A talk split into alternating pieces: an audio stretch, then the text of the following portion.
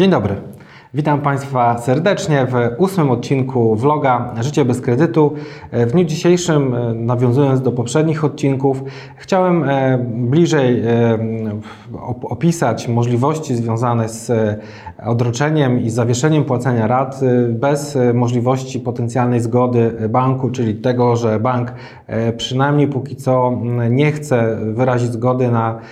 takie faktyczne zawieszenie płatności rat, że wykonuje raczej czynności i można powiedzieć ruchy, które prowadzą albo do w ogóle bardzo złych warunków ekonomicznych, czyli e, podwyższenia zaraz po okresie karencji rat kredytu, czy też w ogóle proponowany dokument jest e, w sposób nieodpowiedni przygotowany i nastawia kredytobiorcę na ryzyko potencjalne w przyszłości, czy uznania długu, czy innych okoliczności, które mogłyby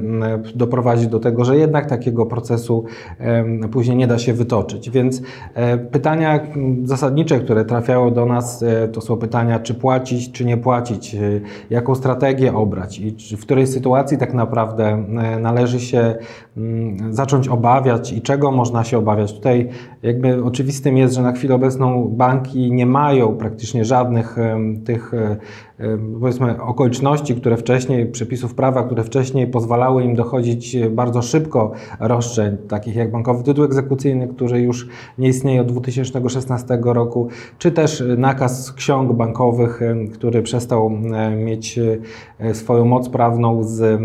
lipcem, listopadem, przepraszam, 2019 roku. Także tutaj jest bardzo dużo różnego rodzaju okoliczności, które wskazują na to, że bank e, w przypadku nawet, jeżeli by chciał pozwać kredytobiorcę, będzie miał utrudnioną, mm, będzie miał utrudnione okoliczności i droga nie będzie taka prosta. Oczywiście są pewnego rodzaju mm, również inne ryzyka, nie w każdych umowach, ale takie ryzyka jak weksle podpisywane do, do umów, czy tak zwane trzy siódemki, czyli też e, dodatkowe zabezpieczenie, które bardzo często posiadają banki przy, przy niektórych rodzajów e, umów, umów, a w szczególności przy zawieraniu ugód, które były zawierane, jeżeli ktoś miał jakieś problemy z płatnościami. Także tutaj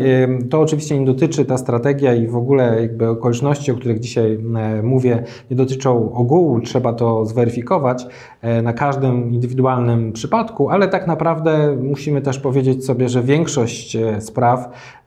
jest opartych na klauzulach abuzywnych, czyli już w dniu w zasadzie dzisiejszym, po wielu latach spłaty tego kredytu, to kredytobiorcy mają nadpłatę względem banku i to bank powinien zwrócić pieniądze. Wobec tego potencjalny pozew banku e, o zapłatę byłby zupełnie e, niezasadny i powinien być oddalony właśnie z uwagi na to, że to na dzień e, potencjalnego wypowiedzenia takiego umowy, takiej umowy, jeżeli on by był wskutek niepłacenia czy zawieszenia płatności rat, bank nie miał faktycznie żadnego, czyli klient by nie miał żadnego zadłużenia i bank by nie miał żadnej podstawy prawnej do wypowiedzenia tej, tej umowy. Czyli tutaj y, bierzemy pod uwagę również takie okoliczności, które wynikają wprost z informacji bezpośrednio od klientów, czyli trzeba zweryfikować, czy te klauzule są faktycznie abuzywne, a jeżeli są, to z jakiego, to ile z tego tytułu mamy nadpłat na, na dzień dzisiejszy. No bardzo często średnio to są nadpłaty rzędu powiedzmy 80, nawet do 200 tysięcy złotych, więc to nie są małe nadpłaty, to są nadpłaty, które e, jak Państwo widzą mogą e, wystarczyć na pokrycie wielu, wielu lat płatności, nawet w przypadku, jeżeli doszło tylko do odfrankowania, nie mówiąc już o unieważnieniu umowy. Także tutaj e, jakby ta sytuacja, która na dzień dzisiejszy ma miejsce, ta nadzwyczajna zmiana okoliczności, czyli stan epidemii, dodatkowo jeszcze wzmagają pewnego rodzaju argumentację po stronie, po stronie frankowiczów, do tego, że tak naprawdę te nadpłaty powinno się odebrać z banku, ewentualnie później w jakiś tam sposób z bankiem się rozliczać, jeżeli zaszłaby taka konieczność. Natomiast na pewno wynika, wynika ta, ta cała strategia powinna oprzeć się na, mm, na tym, że to bank na dzień dzisiejszy ma pewnego rodzaju dług względem Frankowicza i e, próbę dochodzenia tych roszczeń w sądzie, co w dniu dzisiejszym, e, na dzień dzisiejszy jest e, już jakby sprawą dosyć prostą i w żaden sposób nie budzi żadnych wątpliwości, bo ponad 90% spraw statystycznie jest wygrywanych i trzeba patrzeć na to również z tej perspektywy, że właśnie banki na dzień dzisiejszy, będące w bardzo jakby no, niekorzystnej sytuacji procesowej. W wielu przypadkach no, generalnie tylko czekają na wyroki, które po raz kolejny, kolejny i wtóry pokażą, że faktycznie te umowy są albo po prostu w całości nieważne, albo posiadają nieuczciwe klauzule przeliczeniowe, czyli powinny podlegać odfrankowaniu i na tej podstawie strategia powinna się opierać na albo na początku próbie mm, złożenia reklamacji i zaoferowania ze swojej strony jakiegoś rodzaju rozwiązania, czy też wezwania do zapłaty, a następnie od razu pozwania banku i e, weryfikowania już tego przez sąd, czy faktycznie na dzień składania takiego pozwu dłużnikiem był kredytobiorca, czy dłużnikiem był akurat e, bank. No my stoimy na stanowisku, że na dzień dzisiejszy w większości przypadków to bank jest dłużnikiem kredytobiorców, wobec tego złożenie takiego pozwu nie niesie ze sobą zbyt wielu ryzyk poza typowymi ryzykami które wiążą się z procesem sądowym. Natomiast trzeba też pamiętać o tym, że potencjalne zawieszenie e, czy, czy wstrzymanie płacenia rat, ono zawsze może mieć skutki też takie, że bank e, oczywiście no tutaj nie mając nic do stracenia stosuje taktyki windykacyjne, e, statystyki, które pokazywane są obecnie przez wszystkie mm, banki pokazują, że naprawdę bardzo dużo pracy banki wkładają w to, aby windykować, nawet mimo tego, że klienci nieświadomi tego, że mają e, względem banku jakby swoje tam pieniądze ulokowane poprzez właśnie takie nadpłaty, że wcale nie powinni płacić, ale banki mimo wszystko e, prowadzą te działalności i te statystyki wskazują na to, że dużo jest takiego rodzaju czynności i ludzie po prostu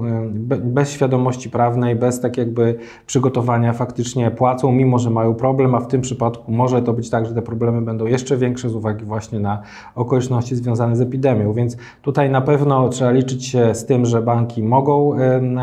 zaostrzyć działania windykacyjne, e, mogą wpisywać w, w kredytobiorców do BIK-u, natomiast trzeba pamiętać, że to nie jest, że tak powiem, prawdziwy problem. To znaczy tutaj bank nigdy nie wejdzie e, na, poprzez komornika na nieruchomość, na żaden majątek. Tutaj bank, żeby wykonać tego rodzaju zajęcie, musiałby mieć prawomocny wyrok, a to jest w zasadzie na dzień dzisiejszy bardzo,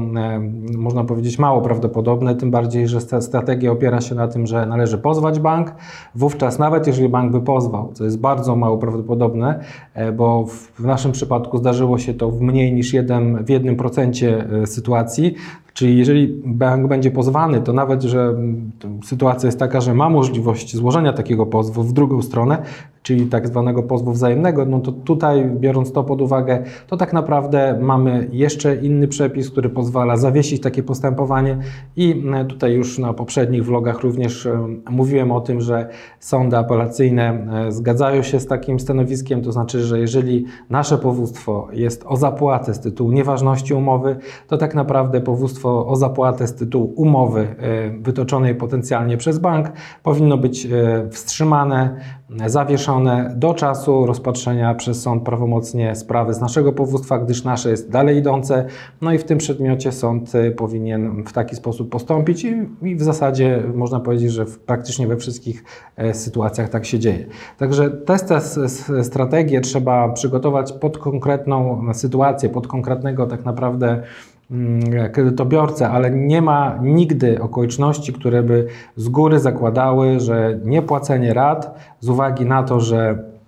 Bank ma e, do zwrotu jeszcze pieniądze z tytułu e, kredytów właśnie bazujących na klauzulach przeliczeniowych abuzywnych, że z tego tytułu bank może dochodzić sobie automatycznie jakichś roszczeń. Oczywiście jeszcze raz tylko powtórzę, trzeba zwrócić uwagę również na potencjalnie na weksle i na e, trzy siódemki, czyli na zabezpieczenie w postaci dodatkowych dokumentów w formie aktu notarialnego, ale co do zasady, proszę mi wierzyć, że wszystkie, większość spraw, które analizujemy, pozwala na wdrożenie strategii takiej tarczy ochronnej, która by polegała na tym, że w kwestii jakby rozliczeń z bankiem, to bank jest Państwu winien pieniądze, a nie Państwo do banku po tylu latach spłaty, po 15, po 12 latach spłaty. Także w tym zakresie e, warto jest przemyśleć strategię pozwania banku i jednak mimo wszystko nie dawania się nabierać, e, powiem tak może trochę w przenośni na propozycje aneksów, propozycje jakichś wakacji, bo to są w zasadzie komercyjne warunki, które banki wykorzystują do tego, żeby po prostu zarobić więcej pieniędzy, a może nawet przemycić nieuczciwe aneksy czy, czy, czy porozumienia z kredytobiorcami. Także na dzień dzisiejszy dziękuję. Oczywiście temat jest dosyć szeroki i będziemy kontynuowali w, w niedługiej przyszłości. Natomiast zapraszam serdecznie do kolejnych odcinków i na dziś już serdecznie dziękuję. Pozdrawiam.